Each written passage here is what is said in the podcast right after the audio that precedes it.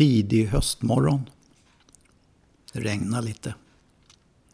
Men sikten är helt okej. Okay. Vägen är lite krokig men eh, du känner ju den här vägen. Så att du mår ganska gott där bakom ratten i din bil. Fin musik på radion. Och det är just då, när du som minst anar det, som det smäller. Pang säger det och du har just kört på ett djur. Du lyckas hålla bilen kvar på vägen. Men det stackars djuret försvinner in i skogen. Och du trevar efter mobiltelefonen och ringer. Och vad händer då? Ja, det är det vi ska ta reda på idag, bland annat. Så att jag har bjudit hit en utav kommunens jägare, viltvårdare. Så välkommen till programmet som ska handla om viltvård. Du lyssnar på Tyresö-radion. Jag heter Lelle Viborg.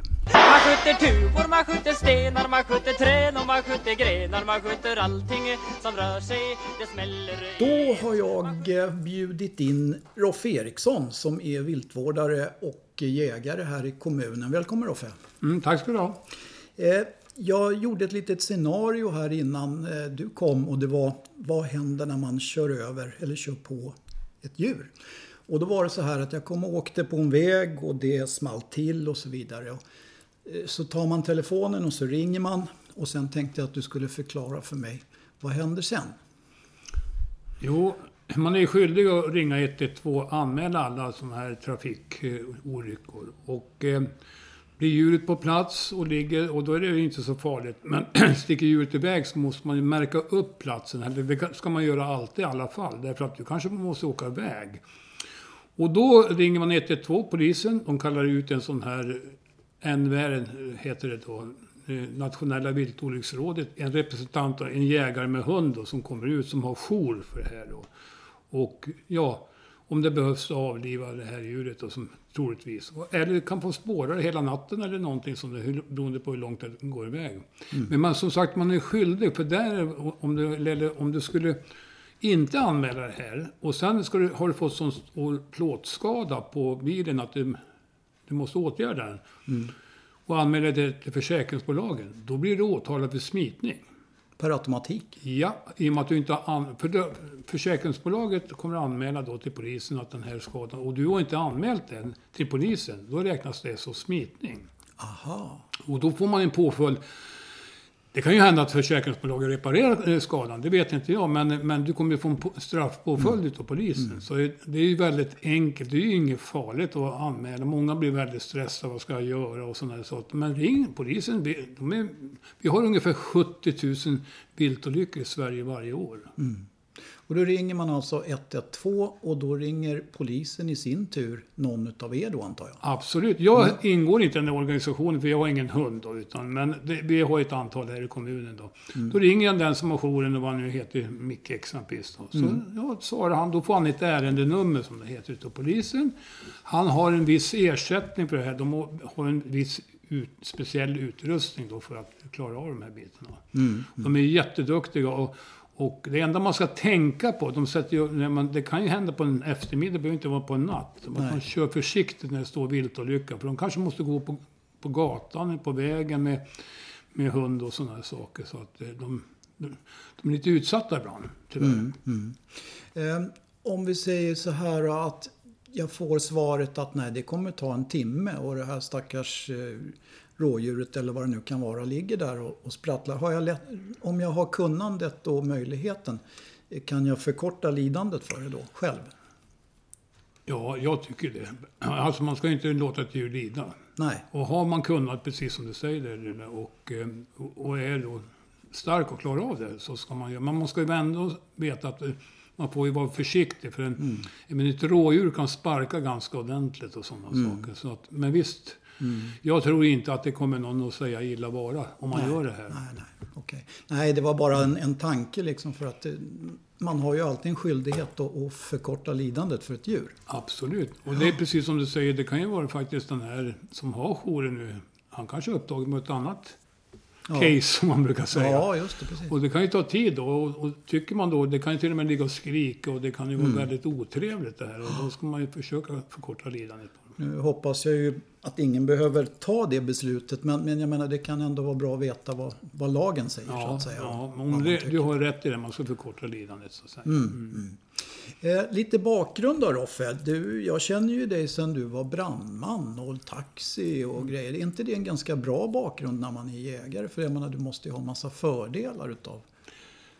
Ja, i alla fall har en bra fördel är ju det att eh, man har ju varit i sådana här situationer, om du säger som vi pratade om tidigare med trafikolyckor och sådana inblandade. Och sen, den, jag tycker en stora, ett bra kontaktnät har man ju haft i kommunen och framförallt har jag ju väldigt bra lokalkännedom. Eftersom jag har varit nästan överallt i kommunen på något sätt i alla fall. Under mina nästan ja, 38 år jag jobbade här i Tyresö. Så, som brandman, så. 38 år, då har du hunnit vara med om en del. Ja, när brandstationen låg mittemot Willys där idag. eh, en gammal barack där. Och, och vi flyttade ju sen in i den nya 1972 där. 72, det är så länge sedan. Ja, jag började här i oktober 1970. Kom från, jobbade som vikarie i Sundsvall men jag fick inte förlänga och så sökte jag jobb och så kom, hamnade här. Skulle jobba här i två år och bo här i två år. Nu är det väl 50. Ja, det är märkligt det Ja, där. jag kommer ju från Hälsingland från början så att jag hade tänkt flytta tillbaks men ja, det blir så jobb, familj och allting sånt där. Ja, det är klart. Men jag menar, det, det har du väl inte behövt ångra, hoppas jag. Nej, jag trivs jättebra på mitt jobb och saknar det naturligtvis. eh, Men eh, allt har ju sin tid så att säga. Och, eh, men jag är relativt frisk pensionär så får jag hålla på med det som jag tycker är kul och med viltvård är intressant och i kommunen och sånt där. Hur halkar du in på det då, från, från brand... eh, Ja, det var faktiskt så att min brorsa eh, gifte sig nere i Småland och, och han har väl inte varit någon jägare. Så sa han att han ringde upp mig och sa att han hade, hans svärfar då, eh, skulle sluta jaga. Jag har tagit jägarexamen men det klarar inte du av, sa han till mig. Ja, det växte i hornen på mig. Så, så då, klarade, då gjorde jag det. Och, och sen när jag var klar, och då tänkte jag, vad, vad nu då? Nu har jag ju faktiskt tagit jägarexamen, vad ska jag göra sen då? Men då hade jag en, en jobbarkompis då, som bor i Trollbäcken som frågade mig, men jag har väl varit ganska bra administratör, som organisatör. Och då sa han, ska du inte vara med i dåvarande Tyresö jaktvårdskrets? Nej, för fan, sa jag. Ursäkta uttrycket. Men, Det är ingen fara. men, eh, eh, men jag kan ju ingenting om jakt. Och så, men sen åkte jag hem och så funderade jag en dag och tänkte jag, men det blir ett bra sätt att lära sig. Så jag, jag sa, okej, jag ska bli suppleant då i den här styrelsen. Och så på första mötet vi hade på Gudeterrassen i en lägenhet där. Och så, första jag sa när jag kom dit och presenterade mig. Jag kan ingenting om jakt, men jag är jäkligt bra på flugfisk alltså. För jag var uppvuxen vid Ljusnan, precis 200 meter därifrån. Ja, på den vägen var det. Så hamnade jag då på Gålö där, som Jägarförbundet har en gård. Som jag var där i viltvård. Och så blev jag ansvarig för den gården. Och i samma veva så hamnade jag i Jägarförbundets styrelse då i Stockholm här. Som jag nu har jobbat i 20 år. Jag, jag säger inte sitter, för jag har inte suttit, utan jag har jobbat aktivt i, och är fortfarande kvar då. Och sen var jag med och startade vår jaktgård i Bogesund vid, vid Vaxholm. Så vi två gårdar. De har vi för att vi erbjuder då marklösa jägare i Stockholm jaktmöjligheter på olika vilt då, när det gäller vildsvin och rådjur och fågel och, och sånt. Eh, sådana här dagkort vet jag att man kunde köpa bland annat i Haninge kommun. Det förekommer fortfarande. Det gör det? Jajamensan. Och de har ju flera marker. Haninge kommun är väldigt offensiv och ja, ställer mark till förfogande för sådana här saker. De har ju nog en fem, sex ställen tror jag. Det är så pass. Men, men Tyresö här då, här har man inte den möjligheten. Nej, jag var med och provade det en gång. Och av någon, vi försökte då på Telegrafberget då, som var relativt stort. Då, när jag var ganska ny i den här. Men jag vet inte. Vi fick nej på den tiden. Jag vet inte varför det blev så. Och sen när vi slog ihop med Haninge då, den här kretsen, så jag försvann det där ut. Jag vet att det har varit Vissvas till och från någon gång. Ja. Där. De har, kommunen har då ställt lite mark till förfogande. Men hur det är idag, det vet jag inte. Den, Nej. Eh, jag tänkte på en annan grej. Vad, vad är egentligen era uppgifter då? Det är ju kommun som, som styr er så att säga. Det är kommunen som är huvudman vad jag förstår. Och de måste ju då ha en massa eh, uppdrag antar jag. Med, inte vet jag med stödfordring och vad det kan vara för någonting. Hur, hur funkar det där? Ja, det är väl då att vi ska... Vi har ett uppdrag att hålla stammarna på en rimlig nivå. Och det är ju då att nummer ett är naturligtvis för trafiken, trafikolyckorna.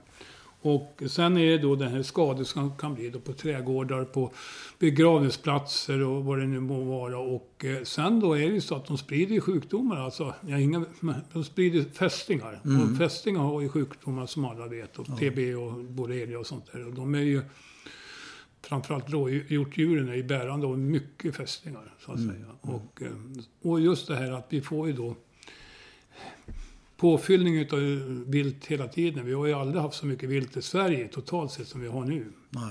nej. Och om man då tar Tyresö kommun. Jag, jag mötte ju er här om morgonen när jag var ute och gick. Då var ni ute och tittade efter dovhjortar. Ja, just det. Och det, det, har- dovhjortar har man ju helt plötsligt har dykt upp, liksom, tycker jag då. Så jag har aldrig sett några, jag har ju varit ute mycket. Men på senare år så har de liksom börjat visa sig. Ö, ökar de? Ja, det gör de. Det är, då är rätt. Det är så att när vi började, jag började här för sju år sedan. Vi övertog då efter en tidigare organisation då. Och eh, då var det knappt vi hade några, väldigt sporadiskt. Men nu har vi mycket. De kommer från Ersavik. Jaha. Fideikommisset där. Då. Ja, ja. De har jättemycket gjort. Och det är ju så att de vandrar ut på grund av det är för lite mat, helt Mm.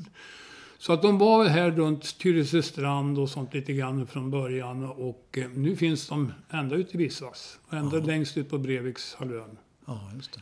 De vidgar sina vyer. Det kan man gott säga. Mm. Hur är det med de andra eh, djurslagen då? Jag menar rådjur, älg, hare och räv. Och minskar, ökar? Rådjuren är nog ganska konstanta, de är till och med ökande. Men de, de flyttar sig nu på grund av att dovhjortarna är mycket större. Som, de är, äter ju samma mat ungefär. Så de trycker undan rådjuren. Så djur, rådjuren, där de fanns mycket förut, är de mindre nu. Men det är det mer dor- hjortar. Men då kan rådjuren vara på ett annat ställe istället, så att säga. Okej, så de, de, de rör på sig Ja, lite grann. de, är ju, li- de går inte ihop med varandra riktigt sådär. Nej, de nej. slåss väl inte med varandra, men de är väl inga kompisar precis. Nej, nej. De, det får vi hoppas att de Ja. håller sig på, på avstånd från varandra. Och vildsvinen har vi ju haft och lite, lite kontakt med här och där. Framförallt inne, kommer det från Tyrestaskogen och via Rackstad där och så. Och vi har haft lite vid slottet, vi har haft lite, Det är inga mängder, men eh, det kan ju vara så att de tror att det var en hel flock där, men en gris kan förstöra en hel gräs, gräsmatta själv en natt, så att säga. Och det vill vi absolut inte ha in och det har vi ett tydligt budskap från, från eh, kommunen att vi ska försöka stoppa vildsvinen. Om vi kommer att lyckas med det, det är inte... Men vi måste samarbeta då med de här jaktlagen som finns runt omkring i Karlberg och Bergholm och mm, Vissvas och så, så vidare. Och Rackstad. Och, ehm, men jag är inte alls fr- främmande att vi skulle få en invasion. Dels att det har varit fantastiskt fina vintrar för grisarna. De har överlevt bra. De har en, en trygg plats på Tyresta nationalpark där de går upp och sover. Och sen kommer de ut då när de vill ha mat och sådana saker. Och man märker tydligt nu, i två år har vi haft ollonår som man brukar kalla mycket ollon. Och då är de på skogen och äter det. Nu har det inte varit ollonår och då är de ute på ängarna och bökar. Främst efter mask. Jaha, efter Ja, mass. mask. Ja. Går vi över på älg, älgsidan så är det det att, jag kan säga, det är knappt att jag har sett någon älg på flera år. Det finns älg på vissa ställen, men vi har inte, vi har inte bedrivit någon älgjakt. Vi har vi någon licens på någon, fast vi, vi bedriver inte någon älgjakt, för vi tycker det finns ingen älg. Hela Södertörn är utarmad på älg kan man säga. Är På grund av dåligt bete. De vill ju ha, de vill ju ha såna här, ja, hyggen, efter hyggen Mm. och sådana saker. Men det är klart att det finns sådana älg här och där, det är ju så. Och, eh, Räv, ja, jag tycker räven har gått ner. Men det, det är ju det att räven alltid har... Skabben finns ju alltid där. Så den bl- blommar ju upp lite då och då. Då tar ju den räven. Och det är ju väldigt tragiskt att se de här skabbrävarna. Ja, Ja, verkligen. de, de lider ju. Och det, de blir ganska oskygga. För de, de måste ju söka sig för lätt att få mat. De kan ju inte jaga på samma sätt. Men totalt sett så är, ökar klövviltstammarna, alltså rådjur, vildsvin och hjortar, de ökar hos oss och de ökar i hela Sverige. Problemet är ju här i Tyresö, det är ju så att de befinner sig... Jag var på en tomt här på Fasanvägen häromdagen. Eh, Då var det 22 dovhjortar på den tomten. Oj, oj, oj. Och de äter ju upp allt. De äter ju allting. Töja, häckar och allting. Och, och får man en sån här gäng som går runt. Det var här nere vid, vid rondellen vid, vid, heter Willys där nedanför. var det 45 stycken en morgon. Och golfbanan har problem med dem. Och, Och det är ju inte så lätt om man ska skjuta. Dels går de ihop i flockar och sen är det tätbebyggt område. Det, det kräver väldigt mycket av oss och försiktighet. Ja. Det är inte 100% utan det är 100-100% Ja, jag förstår det. innan vi skjuter. Sen sa du en grej nu som inte jag har tänkt på. Det är det här med att vi måste samarbeta med de andra jaktlagen sa du. Ja, Hur funkar det där? Är det, har varje område ett eget litet jaktlag eller hur? det är så att de här jaktlagen jag pratar om, det är så att dels så det fun- finns det ett i Rackstad då, de har ju en liten mark, det är privat. Och sen är det då två jaktlag, ett som heter Karlberg och ett som heter Lagergrens. De, de arrenderar utav Tyresta eh, naturreservat. Det är Tyresö mark, men den, den sköts utav Tyresö skogen. Och de arrenderar två marker där de bedriver då jakt. Och, och vi måste ha hjälp. Vi har haft möten med dem tidigare. Vi ska mm, ta upp de mötena igen. Därför att vi måste ha hjälp av dem om vi, om vi får en grisinvasion. Vi kommer inte klara det själv. Nej. Grisar, vildsvin är ganska svårjagade har jag förstått. Ja, jag brukar säga det att de säger gå ut och skjut, men det är, inte så lätt för de är otroligt intelligenta. Så att eh, jag hörde någon berätta att han hade haft drevjakt på vildsvin. Där hade en sugga sprungit två mil ur marken till en annan. Och det befann de sig i två veckor innan de kom tillbaks till hemområdet. Det är inte lätt att jaga då. Nej, det är det inte. Och Nej. har man sådana åtlar som de säger, men det vill bara mata. Ja, man skjuter en gris, sen är den borta en vecka. För de, det var inget bra, tyckte Nej, de. Så att, nej. Det är betydligt enklare att jaga hjortar och rådjur. De är, inte alls, de är inte alls så känsliga på det sättet. Nej, nej. Vad, vad får man som, som eh, jägare, alltså jägare i din roll så att säga göra? Kan jag ringa till dig och säga att "Ja, jag har så jävla mycket duvor eller kråkor eller vad det nu kan tänkas vara. Och så kommer du hem och rensar lite här om jag tycker att det är ett problem. Går det att göra så? Det går att göra så. Nummer ett är så att eh, vi har ju, på din tomt har ju inte vi jakträtt. Utan det är du som har jakträtten. Men du får inte jaga på grund av att du inte får skottlossningstillstånd som Nej, tätbebyggt område. Men däremot så kan du överlåta din jakträtt på oss. Då kan du göra så att, eh, att du går in på kommunens hemsida under viltvård. Och det finns en blankett där du fyller i din namn och adress och fastighetsbeteckning och sådana saker. Och, och, och så står det där uppe då vilka vilt du vill bli av med. Det kan ju finnas olika. Sen kan det annat kan man skriva in. Och man, om man gör det, då har ju vi möjlighet att hjälpa dig i det här fallet. Komma dit och skjuta på din tomt och, eller sätta fällor om det behövs eller vad det är för någonting. Men, och då brukar jag säga så att kryssa gärna i den där det står tills vidare. Sätt ingen datum. Därför att jaktår och kalenderår stämmer inte överens med varandra. Jaktåret går från första juli till sista juni. Kalenderåret går, det vet vi alla, Ja. första januari till sista december. Det blir ett hack där alltså. Ja, det blir ett hack där. Och det, I början var det många som gjorde, vi hade inte den där tills vidare i rutan så att säga. Och det gjorde att flera stycken efter, då, helt plötsligt på våren då, hade i februari, då ville de ha hjälp, men då kunde vi inte hjälpa dem. För då hade så att säga Nej, våra tillstånd gått ut. Och då är det så att, det brukar jag säga också, om ni gör det här så tycker jag att ni kan eh, tänka på det den dagen ni säljer eventuellt huset. Att prata med den nya ägaren. För den nya ägaren kanske inte alls vill att man ska komma. Men då måste ni ta bort den så den upphör. Då. Men jag rekommenderar att man, att man skriver tills vidare. Annars måste man skicka in en ny varje år för att få det. Okej, men skriver man, kryssar man i tills vidare då bestämmer man själv när man vill avsluta det? Absolut, det är helt Okej. rätt. Det är helt Mm. rätt. Sen så tänkte jag höra en annan grej. Jag var med om en, en, en liten eh, incident häromdagen. Det var en av dina kollegor som, som eh, var ute och tittade efter ett rådjur nere vid Barnsjön. Mm. Och vi stann, jag stannade och bytte några ord sådär. Och då kommer en, en kille och, och börjar liksom och, och gaffla och tycka att eh, vad gör du här och vem är du som kan liksom bestämma över liv och död och så vidare. Och din kollega han förklarade att eh, han hade fått en, en anmälan och det var. Men hur, hur ser man på, på er jägare? Så att, är det ofta ni råkar ut för den här diskussionen att vad, vad ska du här göra och du ska inte skjuta Bambi och allt vad det nu är? Jag kan säga under mina år, sju år här som jag har hållit på, råkat ut för det två gånger. Jaha, det är inte oftare än Nej. så. Då hade jag lite otur där. Ja, du hade otur. Men eh, det var, oftast är det att eh, människorna i kommunen är väldigt tacksamma att du hjälper till. Mm. Och, eh, men visst, eh, men däremot eh, vad de säger för någonting till det sådär, det kan jag ignorera. Men om de ju säger rena hot eller kallar mig för någonting då. Då är det så att Jägarförbundet då, som jag tillhör, de har ju gått ut med att alla hot ska man anmäla. Därför att det har ju blivit så till och med på vissa ställen i landet att man har hotat familjen, man har saboterat bilar för att de gör sitt jobb så att säga. I det här fallet. Även eftersöksägarna får, får sina grejer skadade och sådana saker. Så att, eh, men sen måste man tänka på en annan grej när man pratar här också. Folk, när, som du sa, att man kan ringa. Men det, var ju, det vanliga var ju så här att djuren fanns ju här först. Ja, just det. Och så flyttar vi ut och djuren är ju anpassningsbara. För att blir inte de störda och känner sig hotade, då blir de kvar i närområdet. Och då, när du lärde presentera, presentera kroket så är det väldigt smakfullt för rådjur. Då kommer de gärna och äter upp de här äpplen som ligger på marken eller Tack, jag vet det. Ja. Ja, riktigt. Och det kan jag säga då för att eliminera med eventuella vildsvin så ska man ju ta upp all fallfrukt och så inte luktar ligga kvar. Det ska man ju alltid göra med, för rådjur och sådana saker. Däremot kan man ju plocka ihop dem och åka ut någonstans och lägga dem ute på någon storängen eller någonting där. Och det kan de äta dem i lugn och ro så att säga. Ja, det är klart. Det måste ju vara mycket bättre. Och dessutom är det väl inte något kul att ha en massa fallfrukt liggande och Nej, heller på nej, tomten. Så att det är väl...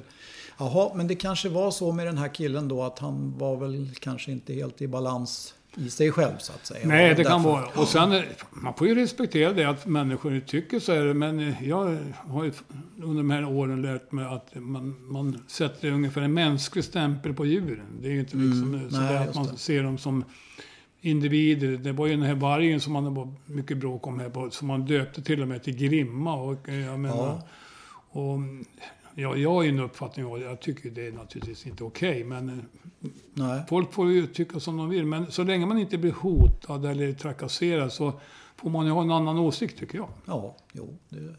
Och den går nog inte att ändra på heller oavsett vad, vad då vi sitter här och snackar om eller vad vi tycker. Nej, jag tror inte någon argumentation biter på dem. Nej, det gör de nog inte. Däremot så kan jag ju ha en viss förståelse för att om man möter en av er med slokatt och bössa och grejer och, och inte riktigt är beredd så kan man väl bli lite uppskrämd kan jag tänka mig.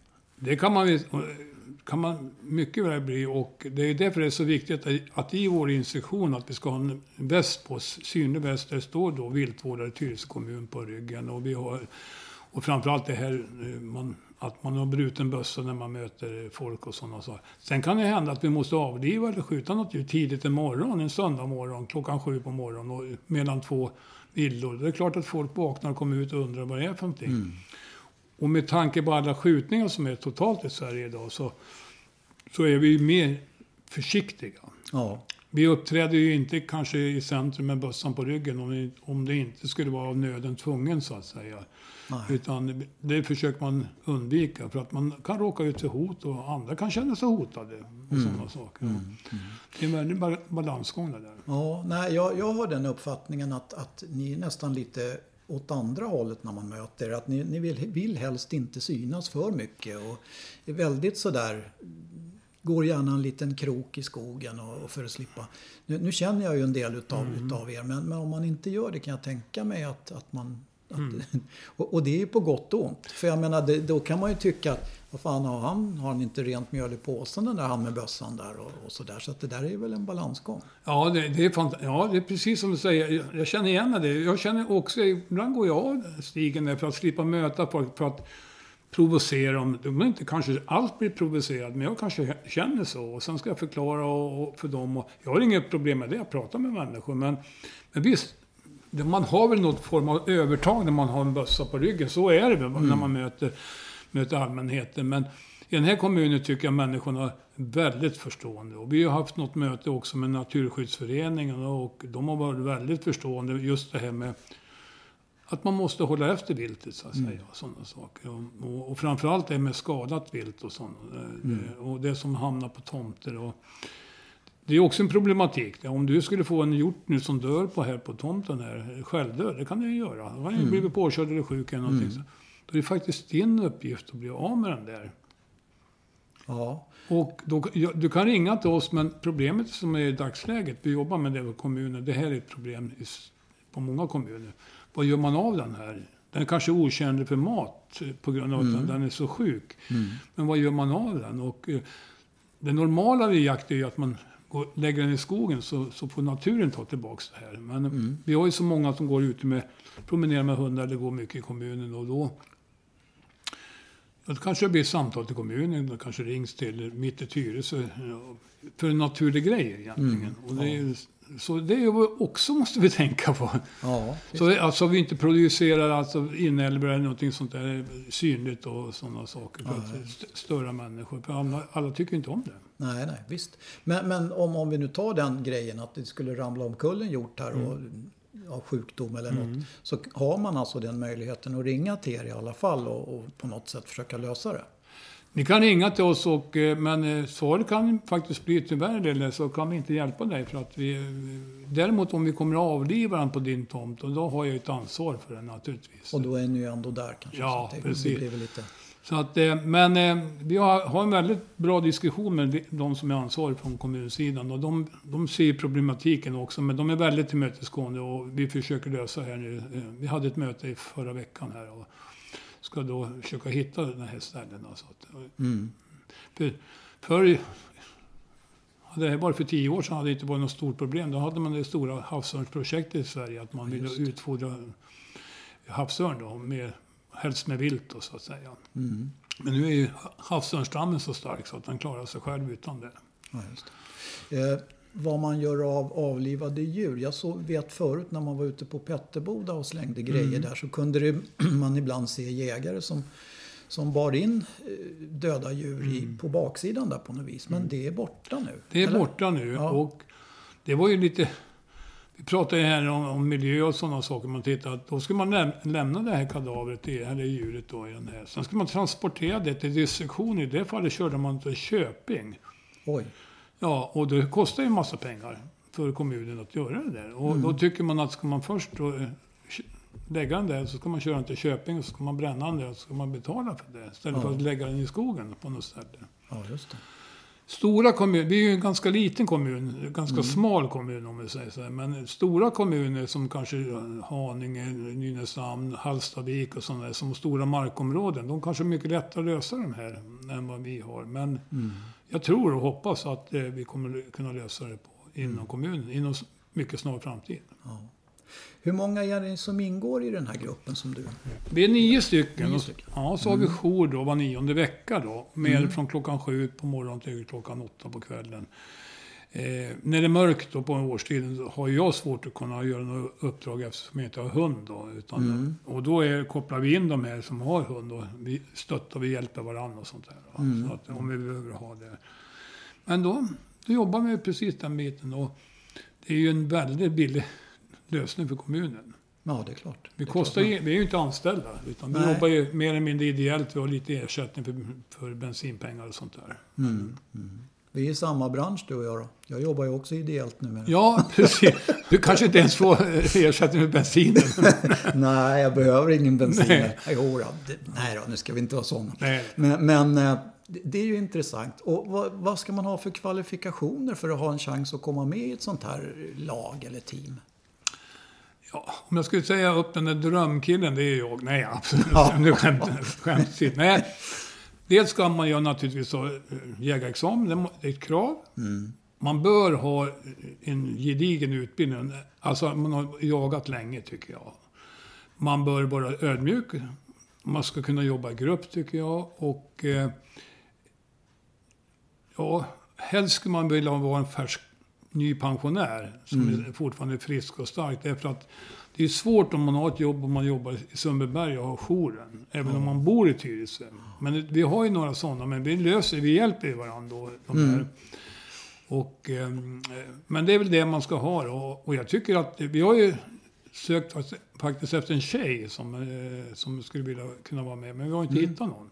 Nej, det var, det var också en sån där fråga som jag hade tänkt att ställa. Mm. Det, det finns inga tjejer som, som ingår i er grupp Nej, just nu i alla fall. nej, inte just nu i alla fall. Vi hade upp det på mötet och vi, det är ingen som har något emot någon tjej. Men det kräver Nej, lite nej. grann. Man ska dra en egen hjort på kvällen och, och kanske Mm. och, eh, Men vi brukar hjälpas åt med det i och för sig. Ja. Men, eh, men just som, det är många tjejer som är med och, som jagar. Den- Det ökar i Sverige Mm. totalt sett. Men därifrån att vara eftersöksjägare eller viltvårdare. Det är, jag, jag har bara träffat någon enstaka i Sverige faktiskt. Är inte det lite märkligt?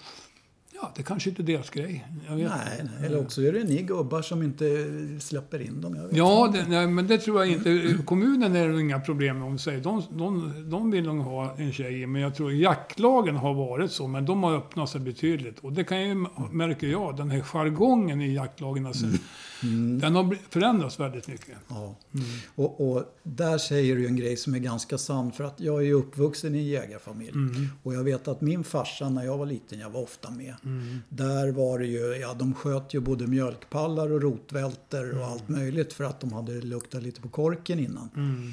Och sånt förekommer väl inte idag antar jag. För det skulle väl aldrig fungera. Nej, det jag, jag har ju hört de som har försökt det. De blir skickade med hem dagen efter.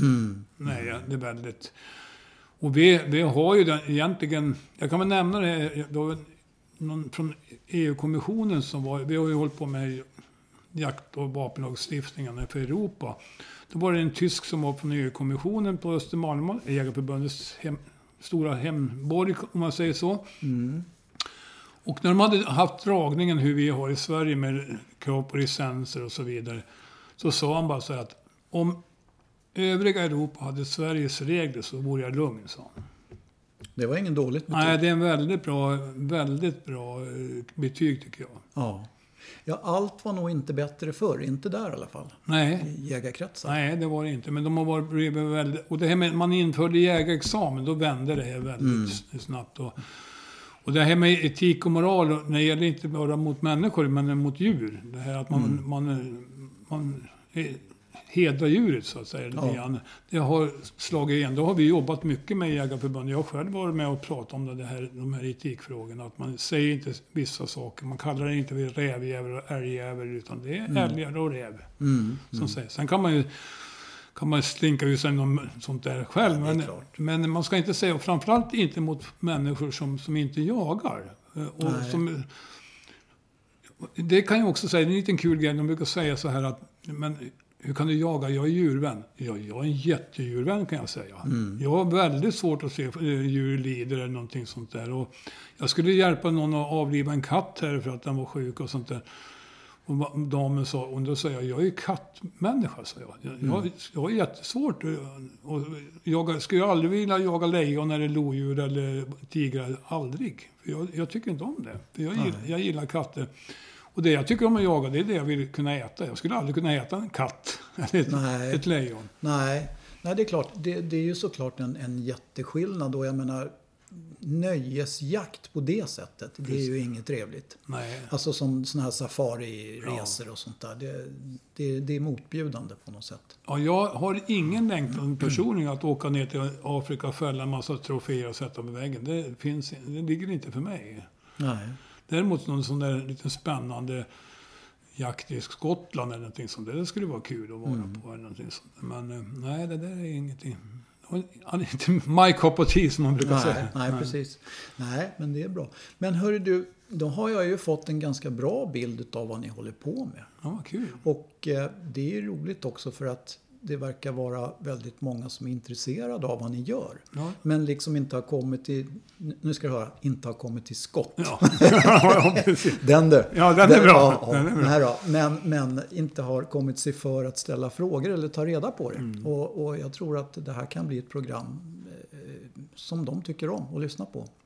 Och, och eh, som sagt, eh, kommunens jägare an, är anställda utav kommunen och det har ingenting med jaktlagen Nej. att göra. Utan Nej. Mm. det där måste man skilja på. Ja. Men tack så mycket Roffe för att du hade vänligheten att komma hit och berätta om det här. Och så hoppas jag att eh, om vi träffas så är det i andra sammanhang än att skjuta djur på min tomt. Jag hoppas att jag slipper anlita dig i det. Men jag vet att möjligheten finns. Och så tycker jag att alla bilförare skulle mm, ta och knappa in det här telefonnumret som finns på kommunens hemsida. Och ha det i telefonen om det skulle inträffa det här tråkiga. Tack snälla för att du kom Raffe. Tack så du ha, vad trevligt. Ja.